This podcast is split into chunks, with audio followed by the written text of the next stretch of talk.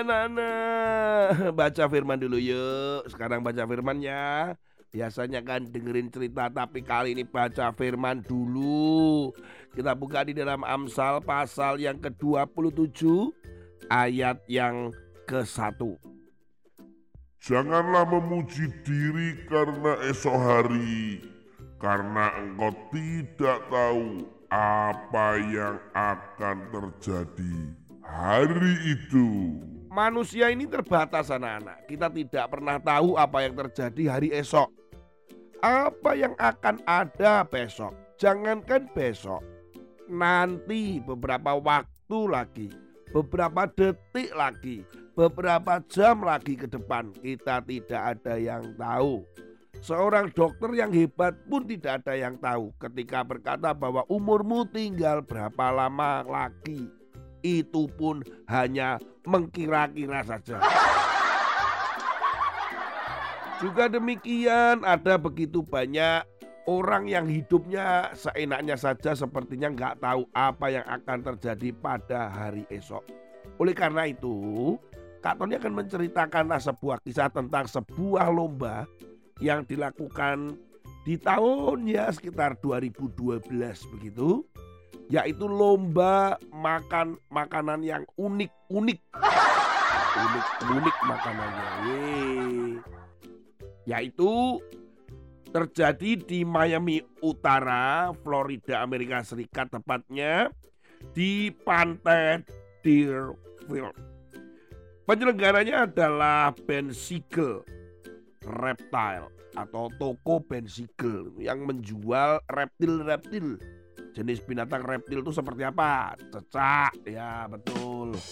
Ada kadal, wah, ada juga uh, apa itu kalajengking. Wah, pokoknya yang seperti seperti itulah itu reptil. Toko reptil ini mengadakan lomba yaitu makan kecoa. Waduh. Ya ternyata ada tuh yang ikut tuh dalam lomba makan kecoa ini. Walaupun hadiahnya itu cuma seekor ular gitu ya, ular besar begitu. Tapi ternyata yang ikut banyak anak-anak. Setidaknya ada 30 orang yang ikut untuk makan lomba kecoa.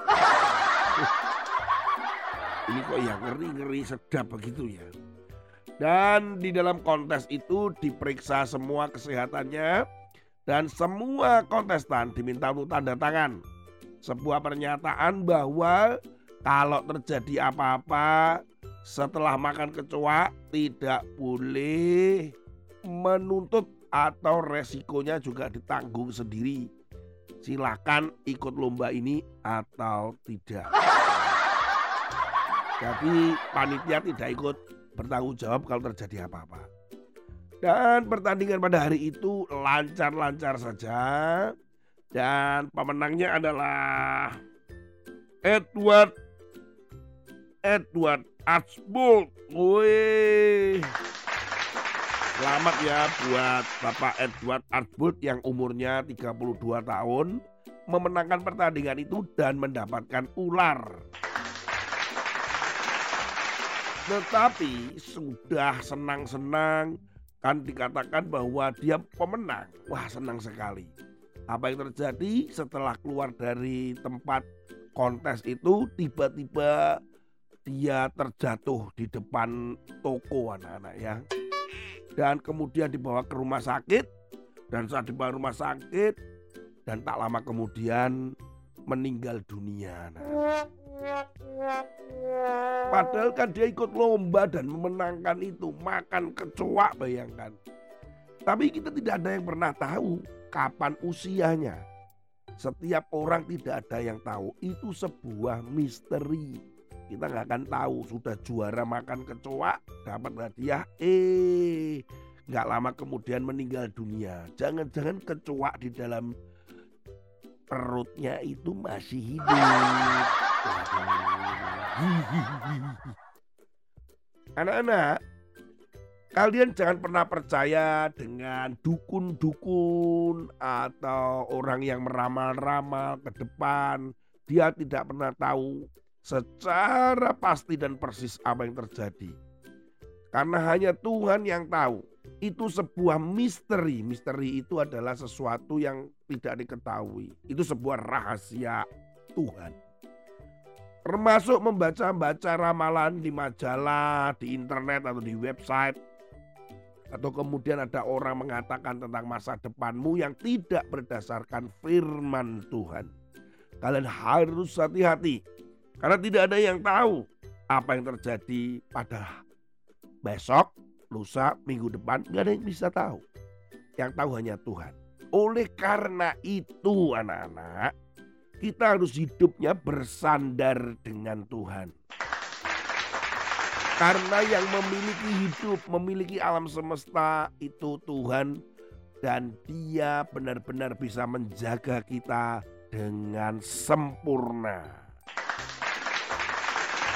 Kalian nggak perlu takut dengan masa depanmu, nggak perlu takut dengan hari esok, karena Tuhan sudah mempersiapkan yang terbaik untuk kita.